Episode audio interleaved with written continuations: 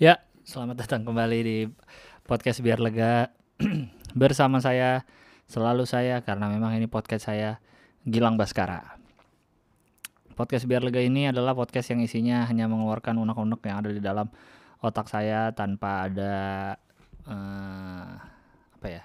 Tanpa ada tema kadang-kadang pokoknya hal-hal yang mungkin mengganggu pikiran dan ingin saya keluarkan makanya saya keluarin di sini biar lega karena tidak baik nyimpan-nyimpan pikiran.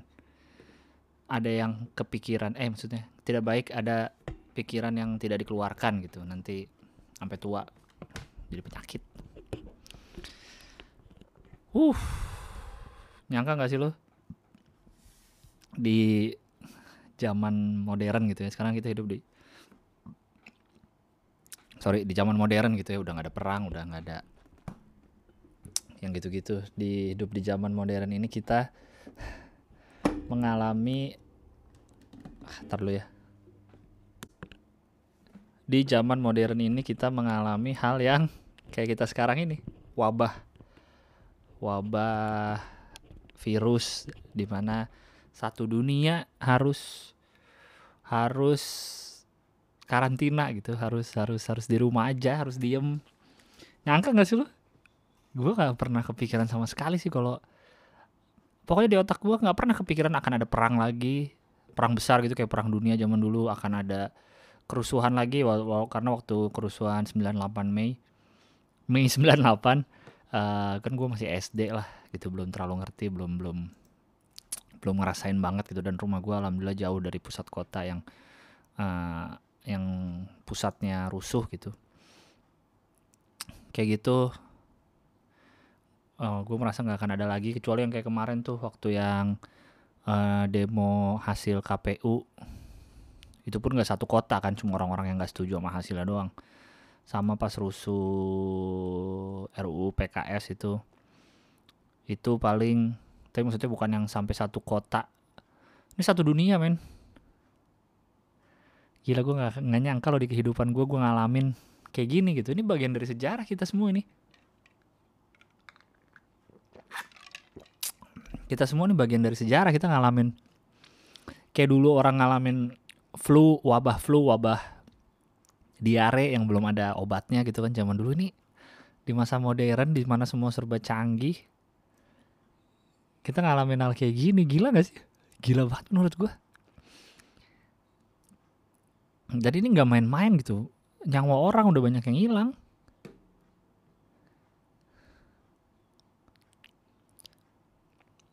bahkan bukan nyawa orang yang yang sakit aja tapi uh, tenaga medis yang tugasnya ya walaupun mereka akhirnya kena sakit juga cuma maksudnya tugasnya untuk nyelamatin kena juga gitu dan meninggal juga. Gila men kita ada di masa-masa yang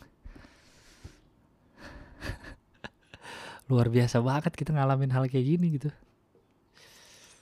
Udahlah lu udah udah ini udah minggu keberapa nih berarti? Sekarang tanggal berapa sih? 26 udah suara apa sih itu? Udah dua minggu kurang lebih dari mulai Senin minggu lalu kalau nggak salah kan mulai stop tuh. Seminggu lah udah semingguan. Gue mulai stop syuting tuh 16 ya kalau nggak salah. Iya semingguan lebih lah.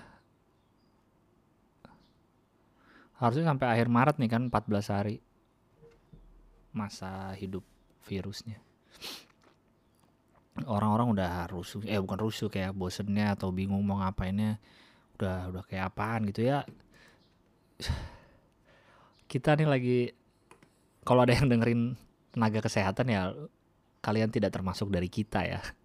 Kita nih maksudnya gua orang-orang yang tenaga kesehatan bukan uh, pekerja pekerja apa ya pekerja harian bukan yang harus kayak ojol kayak di jasa gitu yang yang bisa di rumah lah. Pokoknya kita ini yang bisa di rumah gitu. Ya kita bosen. Men lu? Emang dikira di luar sana tuh orang pada santai-santai? Kan kagak nih lagi pada berjuang. Ada yang berjuang pengen tetap hidup ada yang berjuang mau nyelamatin nyawa orang. Kita cuma tugasnya cuma di rumah aja udah. Bentar ya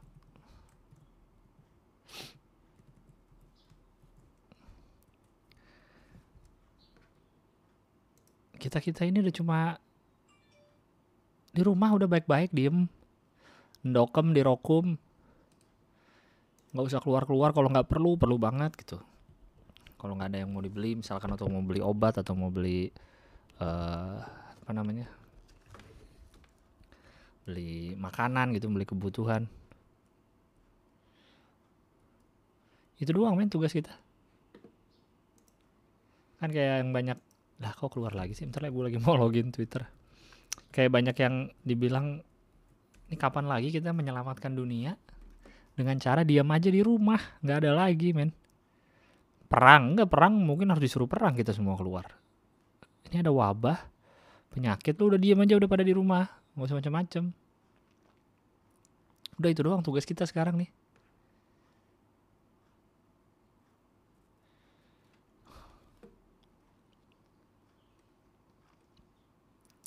serem men. Gue bener-bener gimana kayak ada gitu masa-masa kayak gini ya luar biasa sekali nih kehidupan di zaman modern ini. Walaupun kalau lihat berita-berita gitu ya di di luar negeri di beberapa negara juga banyak orang-orang yang bandel gitu. Nggak kayak nggak kayak apa namanya nggak kayak kita doang nggak kayak di Indonesia yang kan kita ngeliat kayaknya di Indonesia ini banyak yang nggak nurut banyak yang tetap keluar keluar di beberapa negara juga banyak yang begitu. Tetap ke pantai rame banyak yang udah uh, apa namanya? Banyak yang udah kayak udah beli tiket pesawat atau udah beli tiket uh, liburan. Jadi sayang gitu jadi tetap mau liburan tetap mau uh, summer apa ya summer break ya apa spring break sekarang. Spring apa summer ya itulah. Pokoknya lagi masa-masa liburan terus nggak mau mau nggak mau kehilangan masa liburan tetap liburan. Banyak juga kayak kita gitu. Karena apa ya karena belum kita belum ngerasain kejadian ke orang terdekat kita sih virus ini gitu. Walaupun kalau gue ya kalau gue pribadi ngerasa yang kena nih orang-orang yang kena lingkarannya sudah semakin deket ke ke ke link ke circle gue gitu. Udah mulai ada temen yang yang gue kenal pribadi temen ada yang kena. Walaupun uh, bukan di Jakarta ya tapi tetap aja ada yang kena. Terus apa sih PDP eh ODP ODP statusnya. Ada uh, seniornya bokap gua di kampus dulu. Dua orang meninggal dari suatu uh, kementerian. Begitu. Udah makin udah makin deket gitu lingkarannya udah sudah semakin terinya dulu awal-awal berapa bulan lalu kita masih merasa tuh jauh kan di Cina gitu. Waktu Januari apa di oh virus di Cina virus di Cina virus di Cina lama-lama kok virus di Indonesia kok lama-lama virus di Jakarta kok lama-lama ada tetangga lu yang kena kok lama-lama ada artis idola lu yang kena kok jadi makin ada pejabat yang kena. Makin deket ya? Sini baru lu ngerasa kayak anjing ini serius nih dan tugas kita nih diem. Gue sedih sih sedih lihat yang meninggal tentu saja. Terus uh, nakes apa namanya tenaga kesehatan yang pada meninggal dokter-dokter.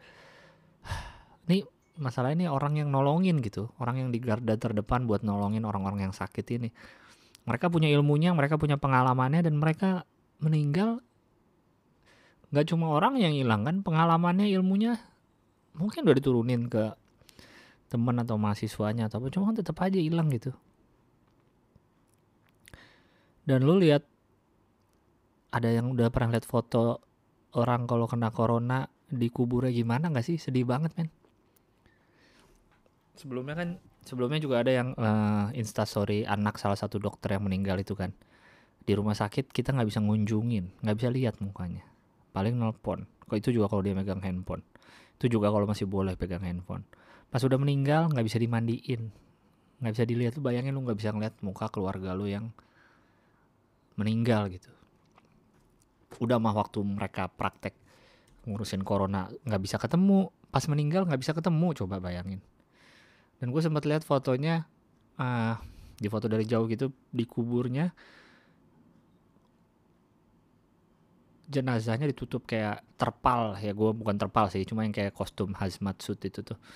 Dibungkus kayak semacam plastik terpal gitu. Yang nganter pun pakai hazmat suit semua. Yang nganter ke kuburannya pakai hazmat suit semua. Gue nggak tahu ya berarti yang penggali kuburnya gimana ya? Penggali kubur atau ya ya yang gali-gali kuburan itu gimana? Nggak tahu. Cuma ya itu.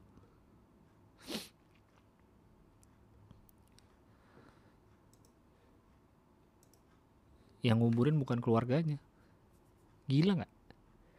Gila men.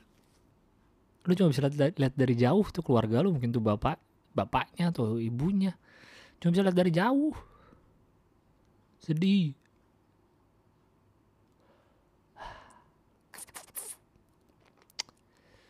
Lalu kalau lihat ada dokumenter gue sempat share juga di Twitter namanya uh, nama dokumenternya Wuhan.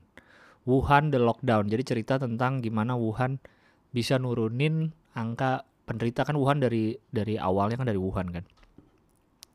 Ya dengan itu lockdown dan itu diwawancara juga dokternya. Dokternya tuh jadi hazmat hazmat suit itu kan sekali pakai. Karena kalau udah sekali dipakai eh, nggak uh, bisa dipakai lagi karena udah terkontaminasi harus dibakar kalau nggak salah.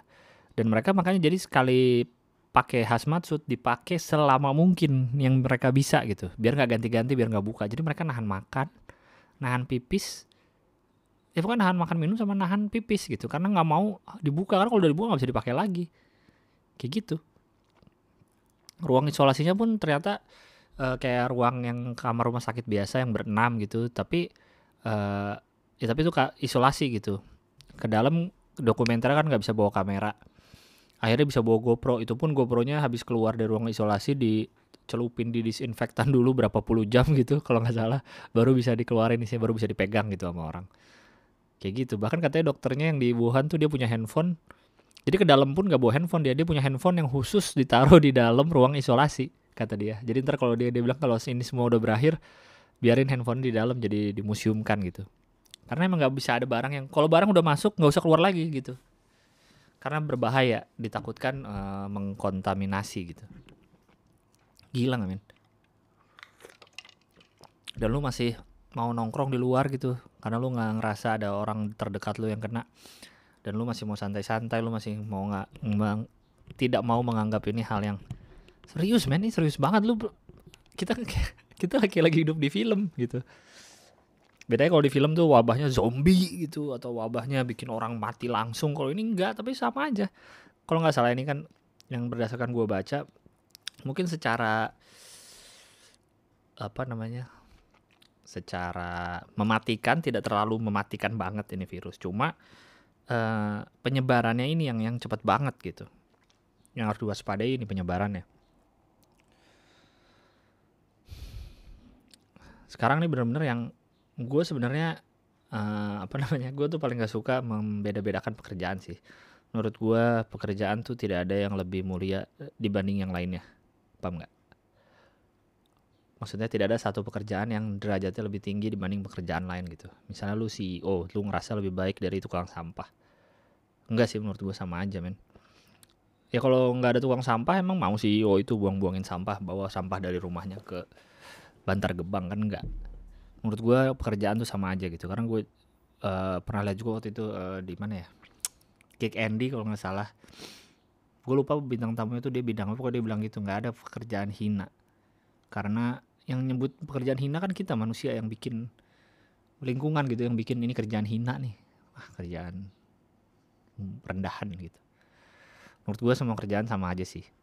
Cuma emang di masa sekarang memang yang paling berjasa tuh dokter tenaga medis yang di depan kurir kurir apa pun kurir makanan ke lu kurir uh, obat-obatan dari pabrik ke rumah sakit kurir makanan ke dokter, kurir apa pun lah menurut gua, tukang antar-nganter, tukang sapu yang masih ada di jalan, penjual-penjual makanan yang masih harus jualan ya karena emang kerjaannya itu gitu yang yang yang yang harus tetap hidup harus jualan itu lah yang yang pahlawan-pahlawan yang sebenarnya gitu.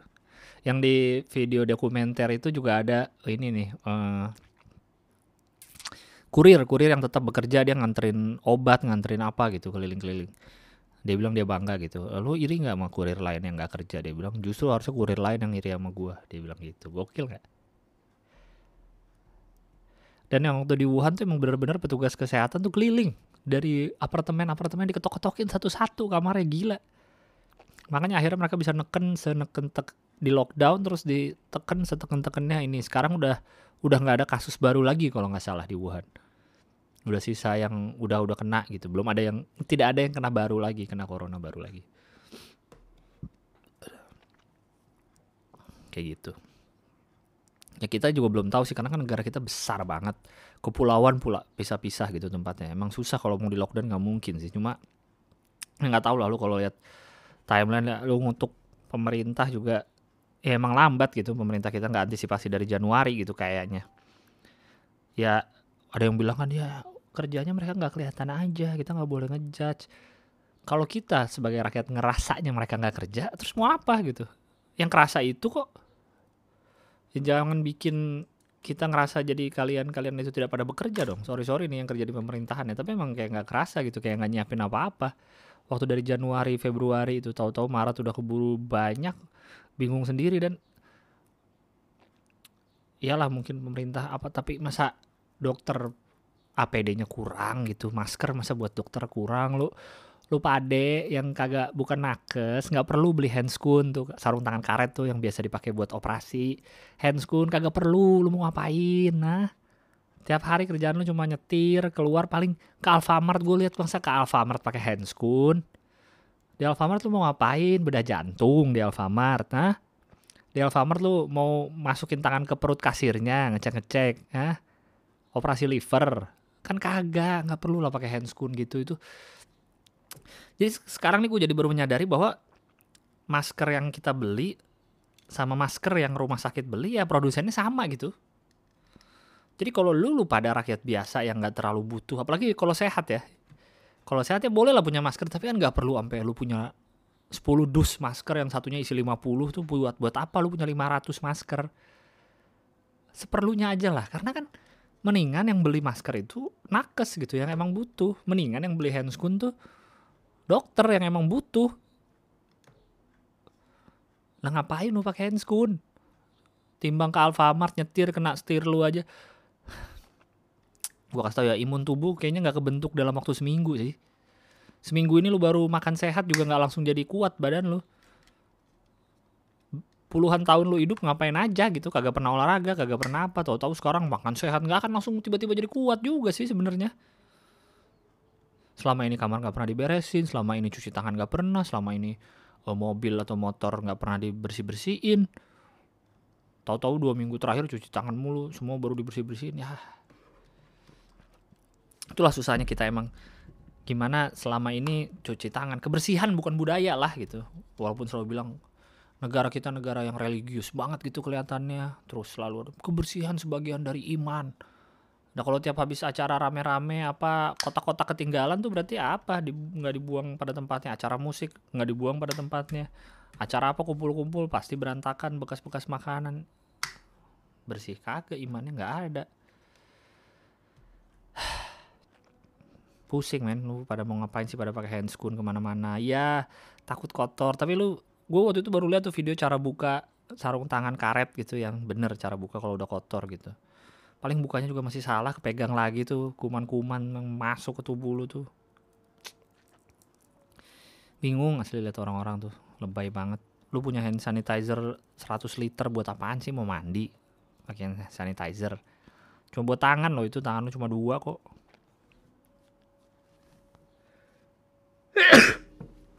aduh India ini kan baru ngumumin lockdown ya India gokil kayaknya uh, presiden eh India tuh perdana menterinya nggak mau nggak mau ambil resiko ya India penduduknya 1,3 M men. 1 miliar mau di lockdown kota 21 hari lagi gila. Gila banget sih. Tapi nggak tahu sih mungkin itu emang emang paling efektif caranya dan hukumannya tuh polisi nyebar kalau ada yang keluar-keluar. Bisa di penjara loh lu keluar-keluar di India sekarang di penjara gila gak walaupun katanya sempat kacau sih cuma tetap aja berani banget pemerintahnya gitu ngambil langkah. Dan katanya pun India tuh padahal kebanyakan pekerja pekerja harian gitu buruh pekerja lepas gitu kebanyakan bukan karyawan tapi tetap berani melakukan lockdown gokil sih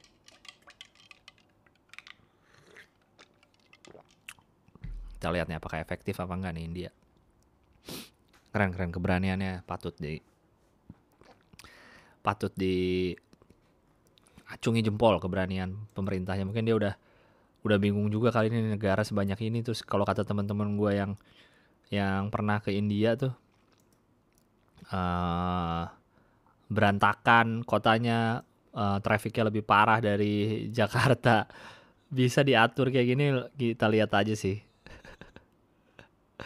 Aduh.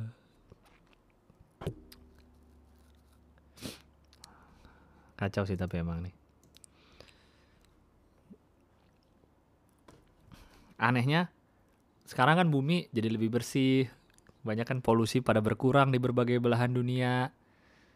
Kayak banyak yang bilang kayak buminya lagi sakit nih.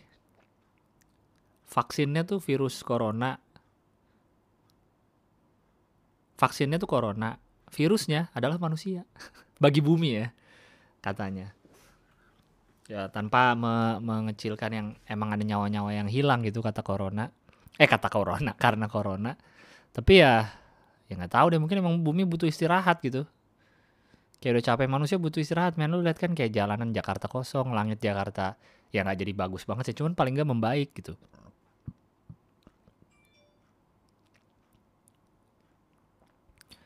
Emang kita manusia stop dulu pelan-pelan udah diem. Awal-awal kan Indonesia bilang negara pemerintah bilang negara ini takut ekonominya runtuh. Satu dunia juga ekonominya lagi jelek ini. Siapa yang negara yang roda ekonominya tetap berjalan dengan baik? Kagak ada juga gitu. Kita nggak sendirian. Apakah Indonesia takut? Apa cuma gue doang nih negara yang ekonominya hancur? Kagak Indonesia sama aja pemerintah sama netizen Instagram anjing.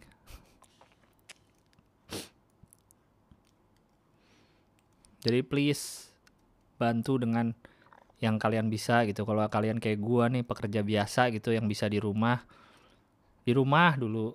Gue juga nggak ada pemasukan ini tapi insya Allah lah. Semua juga lagi nggak ada pemasukan. Yang karyawan kalau emang WF WFH WFH kalau belum disuruh bilang sama bosnya asli ini mau udah bahaya gitu. Di rumah aja udah uh, lakukan perannya masing-masing gitu. Kalau kalian yang ojek online harus tetap kerja kerja anterin makanan buat orang-orang yang butuh. Kalau yang buka warung tetap buka warung kalau emang itu harus. Karena lu ngasih makan orang juga gitu. Kalau gue sih gue ngambil peran gue dengan gue di rumah nggak banyak keluar. Paling keluar kalau ada beli sesuatu doang gue gue banyak di rumah aja. Terus gue berusaha nyumbang sebisa gue yang gue nggak bisa nyumbang tenaga mungkin jadi relawan tapi gue uh, bisa ngasih uh, beberapa rezeki karena gue lihat banyak banget kan dan. Semuanya bikin gue tergerak. Ada yang bikin kayak kayak udah gue omongin juga yang kemarin ya ada yang bikin uh, sumbangan untuk pekerja-pekerja harian yang uh, kerjaannya jadi berkurang sumbangan makanan untuk mereka, ada sumbangan makanan untuk tenaga medis, ada sumbangan alat-alat medis, ada sumbangan APD untuk di daerah mana gitu sih. Kalau gue sih, kalau cara gue nyumbang ya, kalau cara gue nyumbang gue dikit-dikit tapi nyebar gitu. Jadi gue nggak naruh satu uang gue ke misalnya yang Arif Muhammad gitu, gue taruh banyak gitu. Enggak, kalau gue nggak, gue dikit-dikit tapi semua kebagian gitu kalau gue sih. Jadi gue ngeliat ada yang uh, di sini butuh ini sumbangan dibuka untuk ini. Dan gue cari-cari yang kayaknya apa ya yang kayak gue yang lebih tergerak. Lu kan orang suka gitu kan oh itu peduliin yang ini dong peduliin yang karena yang yang A dipeduliin terus yang B dong peduliin. Ya kalau lu peduli yang B ya lu aja yang gerakin ke B. Kalau gue lebih concern ke yang A kenapa lu maksa? Sesuai peran dan sesuai lu ikhlasnya aja lah. Kalau gue tuh gue mikir aja kayak alat medis kurang. Aja kasihan banget alat medis kurang. Gue bisa bantu berapa gue bantu deh gitu. Gue mikir karena dokter nih tenaga medis ini terdepan ya di di hadap-hadapan langsung sama penyakit gitu. Kalau mereka nggak ada alat-alatnya kan kacau kayak gitu. Terus misalkan makanan makanan untuk para dokter. Gue juga mikir aduh mereka kasihan banget nih. Mungkin gak ini? Ter gue lebih tergerak ke situ. Makanan buat orang-orang kecil yang kerjaannya terganggu karena corona gue ke situ. Gitu sih gue lebih ke situ sih. Kalau gue kebanyakan buat makanan sama buat uh, alat-alat medis. Uh, tapi gue ngasihnya sedikit-dikit tapi nyebar gitu. Nggak perlu nih di masa kayak gini ya lu nggak perlu nunggu kaya dulu. Nggak usah sih. Di kapan pun kalau kapan pun sebenarnya kalau lu mau nyumbang tuh bukan berarti lu harus nunggu kaya. Lu nggak harus sebill Gates untuk nyumbang. Iya kalau Bill Gates karena dia sekaya itu dia bisa bikin yayasan dia bisa mengentaskan menghilangkan malaria di satu negara di Afrika bisa dia. Ya kita kan belum sekaya itu tapi kan kita bu bukan berarti nggak bisa nyumbang dong. Gitu dikit-dikit aja. Orang kalau di kita bisa gitu kan sepuluh ribu juga bisa kok.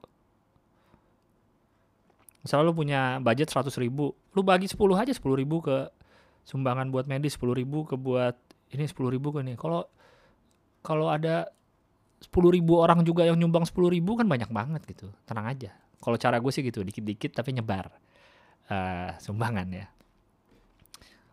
Bukannya gue mau mamer emang mamer gue biar lu tergerak juga siapa tahu.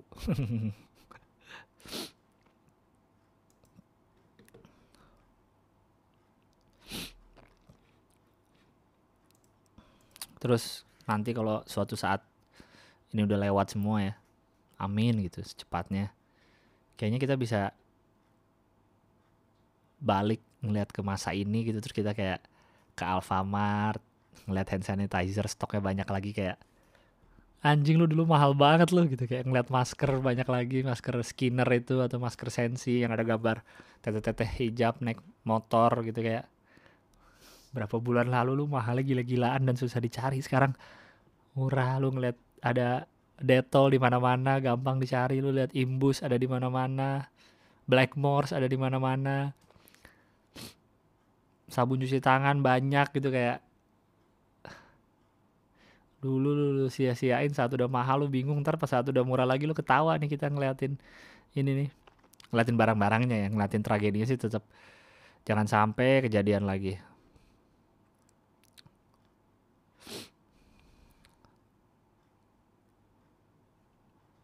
Tapi ya itu mungkin kita akan melihat hand sanitizer udah berbeda lagi kalau nanti di masa depan saat ini semua udah lewat. Hand sanitizer sialan penjual-penjual anjing. Gua doain semua penjual yang nimbun yang sengaja ya yang sengaja nimbun dan naik-naikin harga jauh dari harga pasar sekarang nih jualan apa pun lo ya lo jualan hand sanitizer jualan tisu basah jualan antiseptik jualan detol jualan apa pun gue sumpahin gak tenang tidur lu tiap malam. Ya Allah tiap jalan kebentok terpal pecel lele.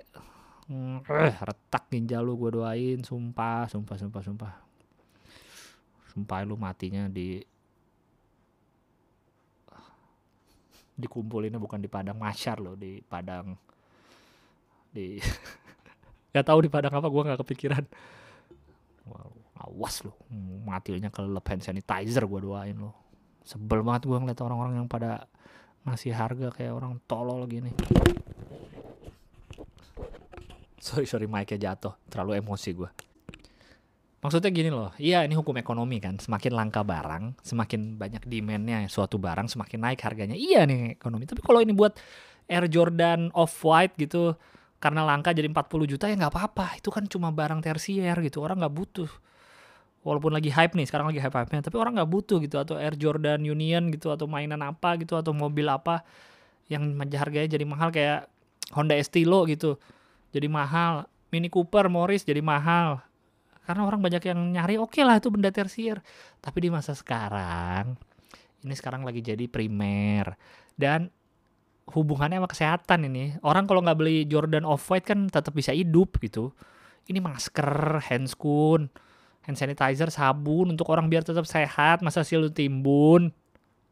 Geblok. emosi gua. Ya udah pokoknya kalian tetap di rumah baik-baik. Jalanin gak usah sok bosen. Lu punya rumah masih punya atap masih punya lantai nggak kena hujan nggak kena panas. Lakuin apa kek? Gue yakin nanti habis beres karantina ini orang-orang jadi makin kreatif.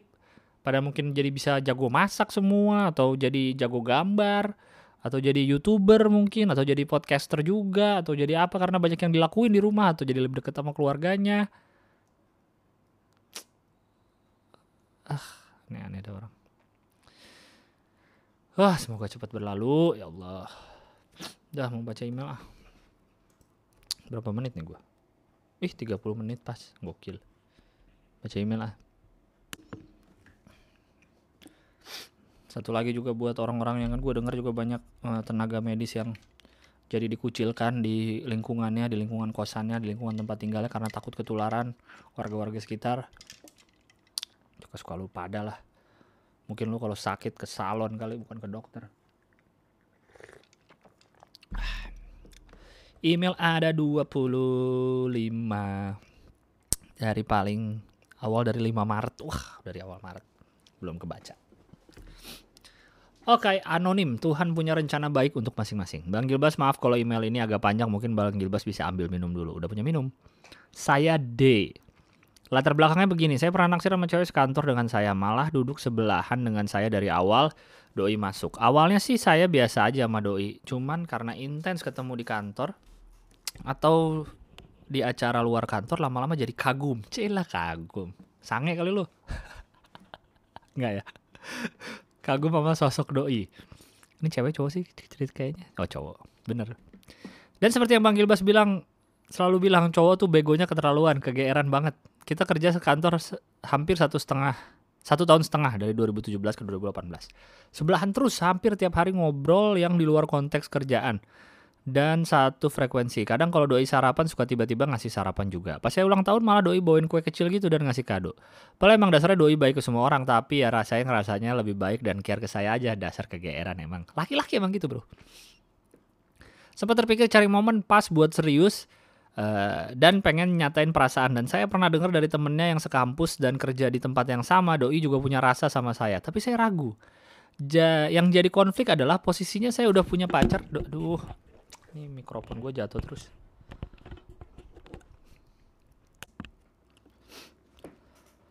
oke lanjut ya yang jadi konflik adalah posisi saya udah punya pacar dan doi belum teman-teman kantor pun malah jadi cie-ciein terus pada terus kita berdua. Sampai akhirnya saya ketahuan sama pacar saya karena tiba-tiba pacar saya razia HP dan ngelihat chat doi. Pacar marah banget tapi malah lebih marah sama si doi. Padahal saya udah ngaku salah. Akhirnya saya dan doi bisa kerja. Pacar nggak lagi bahas-bahas masalah itu.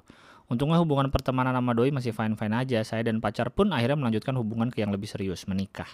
Sampai akhirnya Februari kemarin doi nge-WA mau ngasih undangan pernikahan.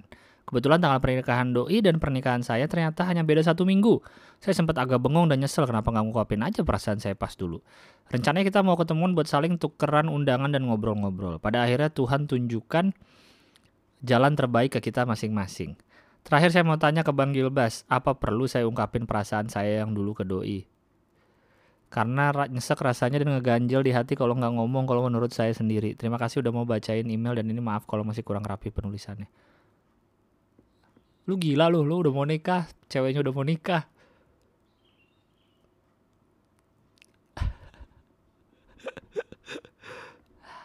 tapi yang sudah seperti saya bilang orang biasanya lebih penasaran bukan ke mantan yang udah pernah pacaran tapi lebih penasaran ke yang saat dulu tidak pernah terjadi malah. Atau kalau kata Katy Perry the one that got away. Apa perlu saya ungkapin? Aku nggak tahu ah. Ntar kalau gue ngasih saran malah kalau lu lakuin malah salahin. Tapi kalau menurut gue sih memang kalau bisa selesaikan dulu semua. Gue belum nikah dapat dapat saran dari orang yang nikah aja belum nih. Tapi kalau menurut gue selesaikan dulu yang belum selesai gitu. Jangan kalau istilahnya kan jangan bawa bagasi. Kasihan istri lu nanti. Lu pengen merajut kebahagiaan berdua tapi lu ada bagasi di punggung lu yang ternyata masih banyak gitu belum dikeluar keluarin ntar jadi berat perjalanannya. Wah keren banget gua. Emang ngasih saran paling gampang dibanding ngejalanin. Aku nggak tahu ah terserah lu lu mau ngomong apa enggak udah sama-sama mau nikah lagi Jangan dibacain alamat emailnya Bang. Oke, halo Bang Gilang. Hari ini gue lagi nonton video-video stand up Panji yang diupload di channel YouTube dia.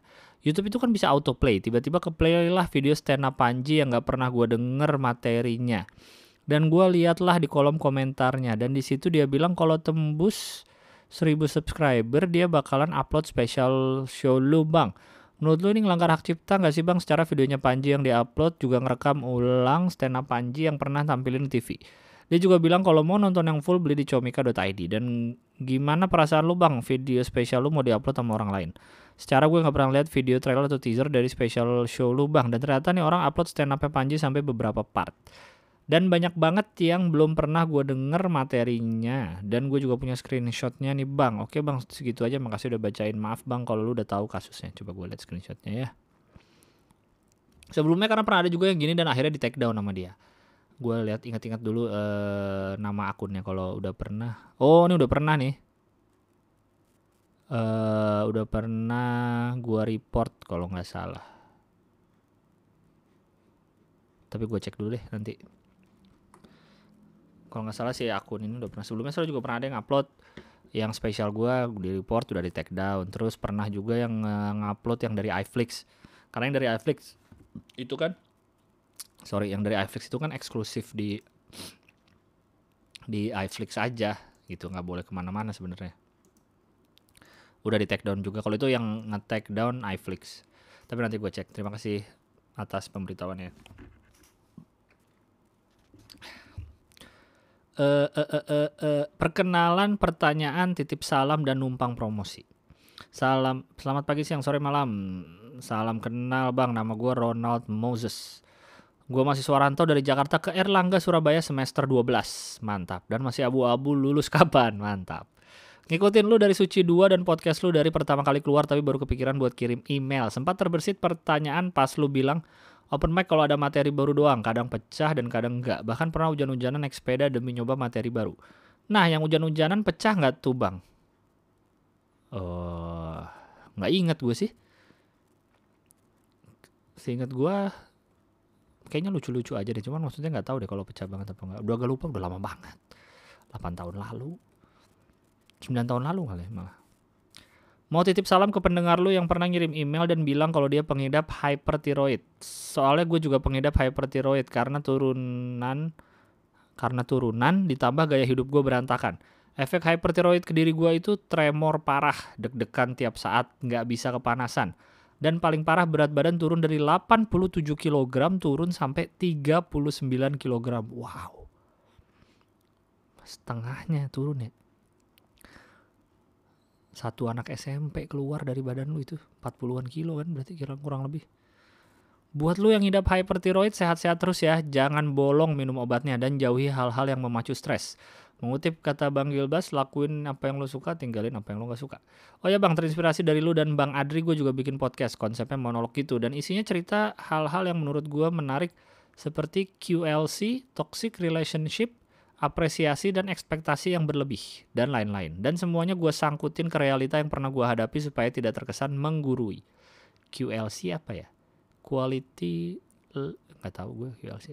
Bahkan gue ngikutin lu buat bikin podcast sambil berkendara. Bedanya karena sehari-hari gue pakai motor dan bukan mobil, gue recordnya sembari motoran deh. Inti utamanya bikin podcast sih supaya jadi media gue buat cerita aja karena teman-teman sekitar gue lebih asik sama gamenya daripada denger cerita gue. Dan wajar saja lah ya pacar gue kala itu sih mau denger cerita tapi unek-unek cerita gue tapi unek-unek cerita gue mostly tentang dia. Sekalipun ada orang yang bersedia denger cerita gue biasanya cari waktu buat ketemu susah dan jadi gue bikin podcast ini deh.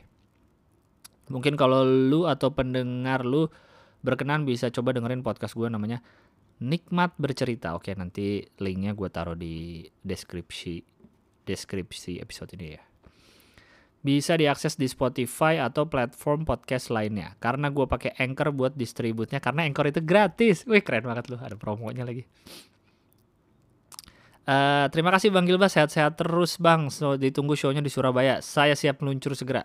Siapa tahu nanti uh, saya ke Surabaya Anda udah lulus. Uh, mana? BTW dari semua beat lu, beat favorit gue adalah beat Jakarta berhenti di tahun 2014, MR, MRT baru ada eh, 2016 di Suci 2. Wow, itu materi gue udah lama banget tuh. Kalau nggak salah itu materi tiga besar sebelum eh, masuk grand final. Dan itu gue bilang waktu itu kan MRT jadi 2016. Padahal MRT akhirnya baru jadi kemarin 2019. Jauh banget dari target ya. Ah, terima kasih sudah menonton dari dulu. Dear Mas Gilang, ini email kedua aku Mas. Makasih sudah baca emailku di episode miskin.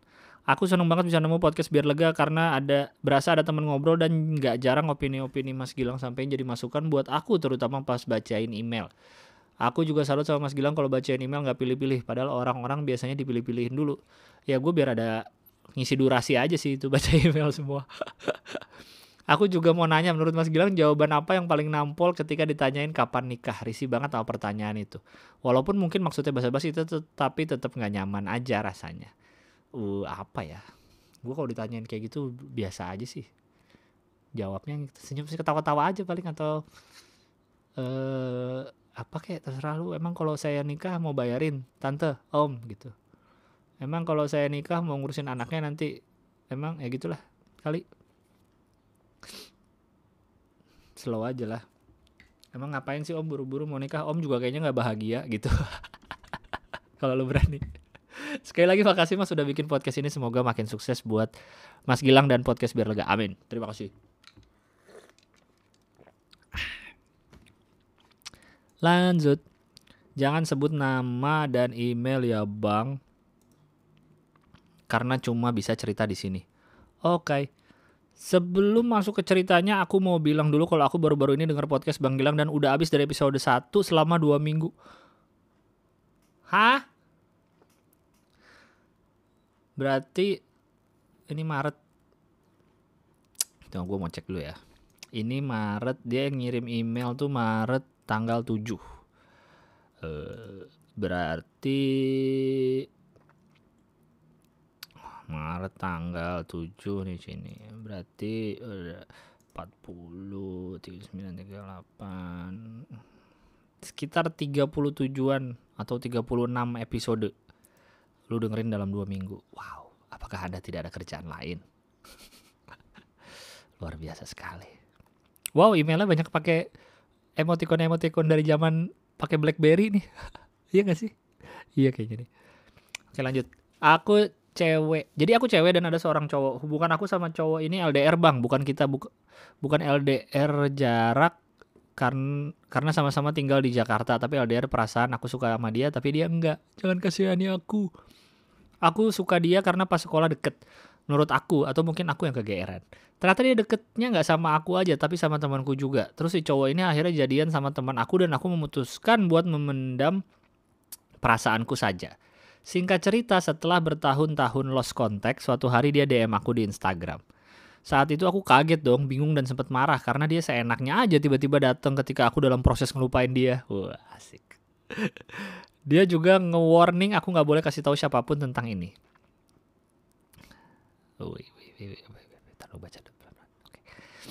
Terus dia ngajak ketemuan bang dan akhirnya kita ketemuan di suatu fast food restoran. McD bukan? McD di Sarinah bukan? Wah, gue spesifik banget. So tau. Awkward banget pas ngobrol. Terus setelah ngobrol sam lama, dia nanya, lo kenapa sih sampai sekarang sendiri? Asik. Aku jawab, udah gak usah penasaran, nanti lo kaget.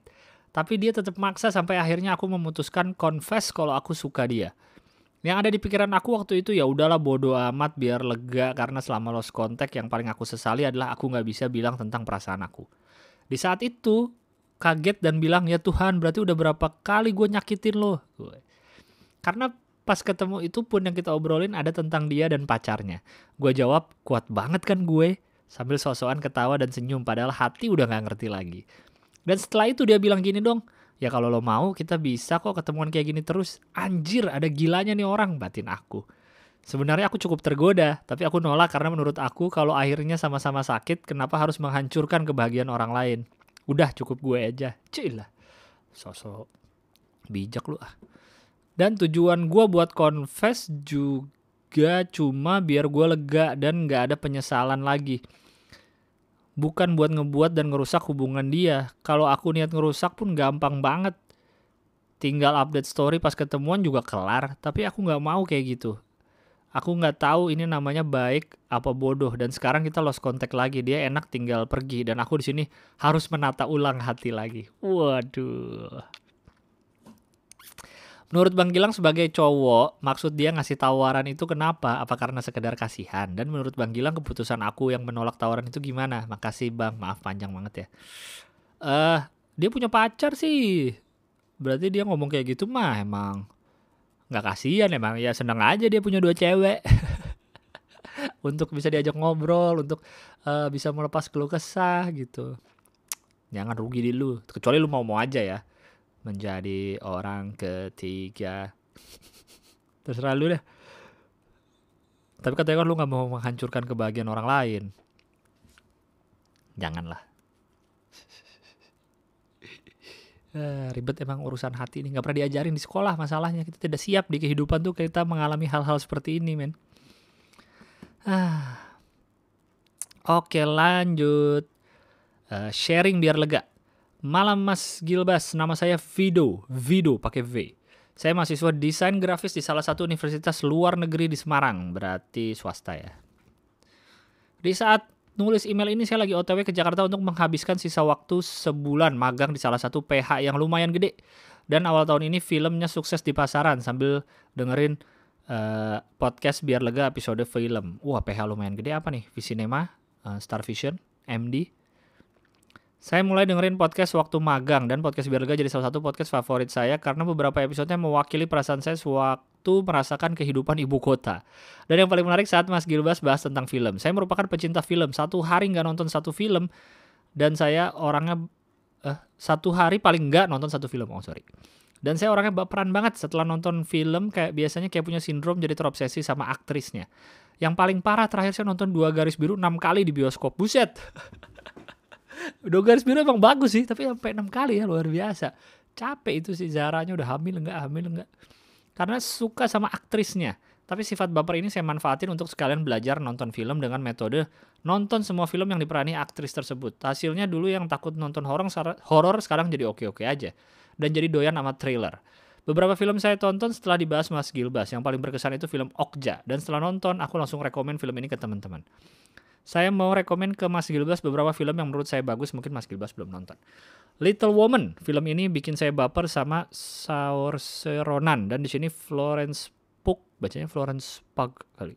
Sama Saoirse Ronan aktingnya mantep banget. Little Woman kalau nggak salah belum lama di bioskop ya, saya juga belum sempat nonton itu. Berapa bulan terakhir ini belum ke bioskop dan udah keburu lockdown. Little Woman oke okay deh saya masukin list nanti biasanya ada di iTunes. Snowpiercer, oh Snowpiercer saya sudah nonton dong, Bong Joon Ho. Ini film Bong Joon Ho yang rumor eh ini film Bong Joon-ho yang rumornya entah bener atau enggak dunia setelah Charlie and the Chocolate Factory. Saya belum nonton sih, tapi premisnya menarik banget nih buatan Bong Joon-ho yang main Chris Evans. Lah, lu belum nonton gimana sih? Itu bagus banget, men. Itu tentang uh, kelas dalam uh, kelas dalam kehidupan gitu. Orang kaya, si kaya dan si miskin. Sama kayak Parasite kurang lebih. Tapi di metaforakan dalam bentuk kereta panjang yang berjalan terus. The Farewell, ini film gak bikin baper sama aktrisnya, tapi sama ceritanya. Waktu nonton ini saya lagi OTW pulang kampung ke rumah Eyang di Solo jadi tambah berkesan. Saya nangis nonton ini mas. Wok wok wok wok. Uh, farewell gue belum nonton. Oke nanti gue cari. Kalau boleh minta rekomend film yang menurut Mas Gilbas bagus dong. Uh, gue baru, aduh banyak sih gue. Dulu gue sempet bikin thread di Twitter gue juga lupa harus gue cari lagi uh, tentang film-film Korea dan Jepang. Awalnya film-film Korea doang, tapi akhirnya jadi film non Korea juga ada. Cuma intinya adalah film thriller dan detektif. Karena menurut gue film-film detektif misteri thriller dari Korea tuh luar luar biasa sih. Keren-keren banget. Korea the best kalau untuk urusan film kayak gitu. Baru-baru ini di Twitter gue juga baru bikin thread yang masih berjalan terus sampai sekarang yaitu adalah film-film yang film atau series yang gue habiskan di masa uh, social distancing ini. Jadi bisa dilihat di Twitter gue at Gilbas siapa tahu mau siapa tahu ada yang cocok selera film kita.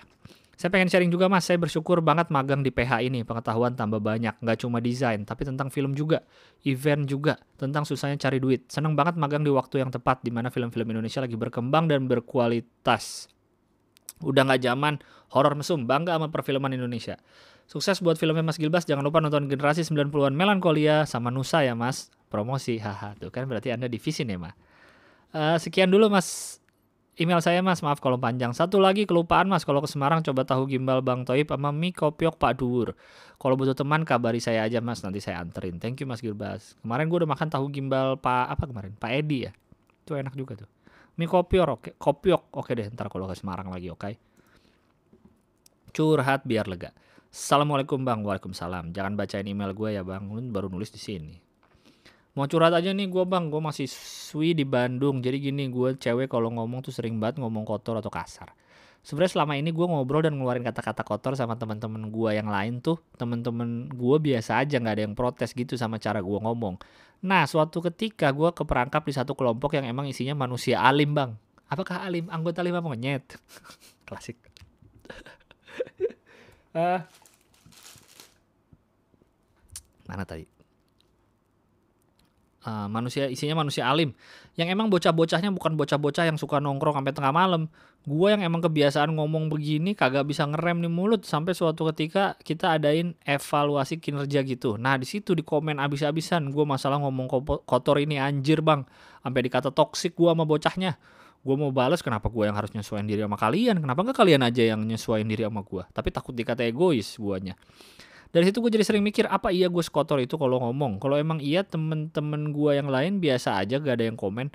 Atau emang temen-temen gue yang alim ini nggak pernah ketemu manusia sebejat gue atau emang temen-temen gue yang nggak pernah komen ini sebenarnya emang keberatan sama omongan kasar gue tapi mereka nggak mau ngomong depan gue gue harus gimana anjir bang?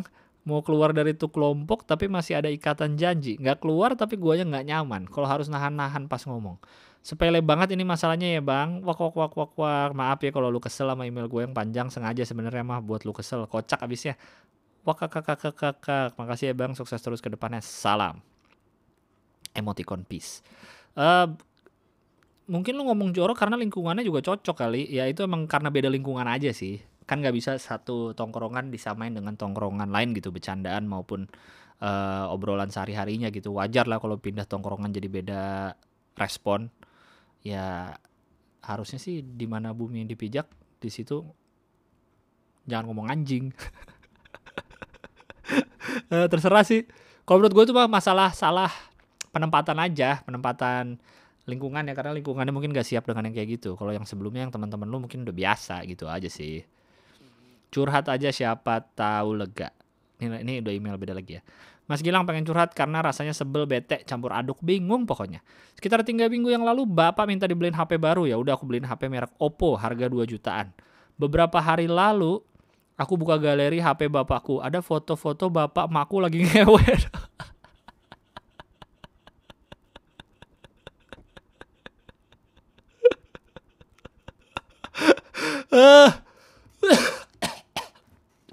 gue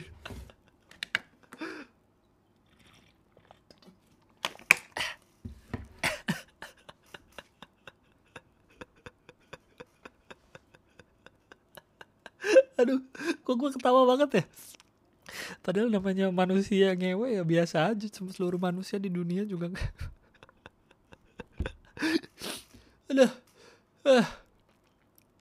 aduh nih email isinya aneh-aneh banget ada foto-foto bapak makku lagi ngewe dong Padahal mereka udah umur 50 tahunan. Ya umur 50 tahunan emang gak boleh ngewe. Cuma emang masalahnya di fotonya sih ya. Terus gue pengen baca lagi takut ketawa terus. Sorry ya gue ketawain bapak ibu lu. Aduh.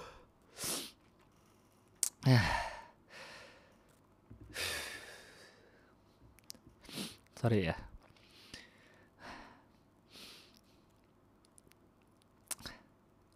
Kesel banget rasanya mas. Kayak pengen negur dan bilang, ya udah ngewe emang ngewe aja nggak usah difoto juga. Tanda seru ada lima. Gitu. Gara-gara lihat itu jadi kesel banget sama orang tua sendiri rasanya. Aku harus gimana mas?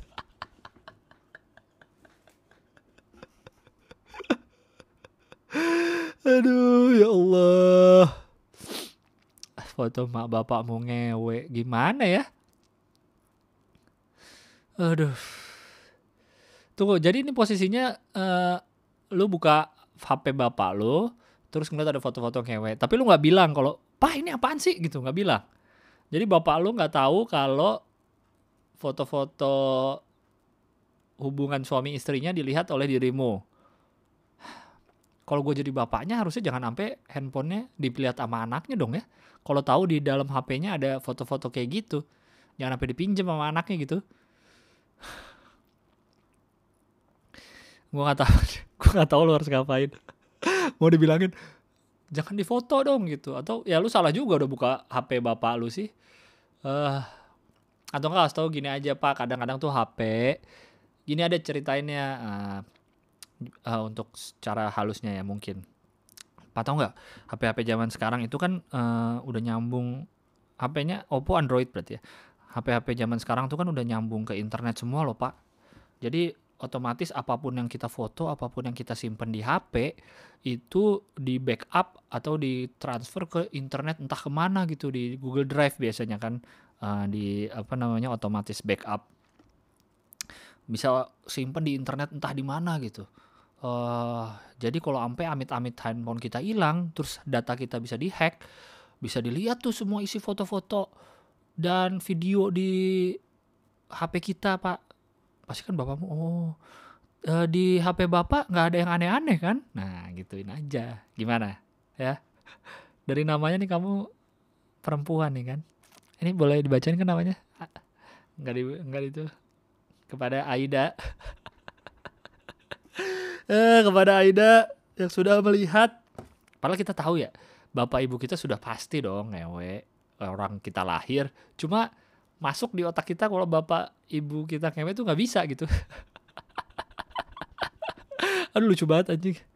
Aduh terima kasih atas hiburannya emailnya di masa-masa ini. Udah. Masih ada 17 email buat minggu depan ya. Aduh lucu banget. Udah, sekali lagi udah nggak usah ke mana-mana. Do your part in this situation dengan diem aja di rumah, dengan tenang aja, sumbang kalau seikhlasnya. Bukan kalau ada duit ya, gue yakin kalian ada duit, tapi seikhlasnya lah yang lu mau nyumbang berapa, yang lu bisa bantu. Kalau bisa bantu tenaga jadi relawan, iya boleh, tapi hati-hati karena takutnya lu kena juga. Kalau lu bisa nyambu, eh bantu, kenapa nyambu? Kenapa kalau lu bisa bantu pakai uang bantu, pakai uang. Kalau lu bisa sesimpel bantu dengan gak usah ke mana-mana, itu kan gak keluar uang tuh. Ya paling keluar uang buat makan kali. Cuma ya itulah paling gak yang bisa dilakukan ya cari aja hiburan dia. Ada YouTube ada podcast ada Netflix ada banyak lah. Ada TV yang bisa jadikan hiburan lu di rumah ada HP lu. Gitu biar tidak perlu keluar keluar oke? Sampai jumpa di episode berikutnya. Terima kasih sudah mendengarkan. Jangan ke mana-mana. Di rumah aja. Bye bye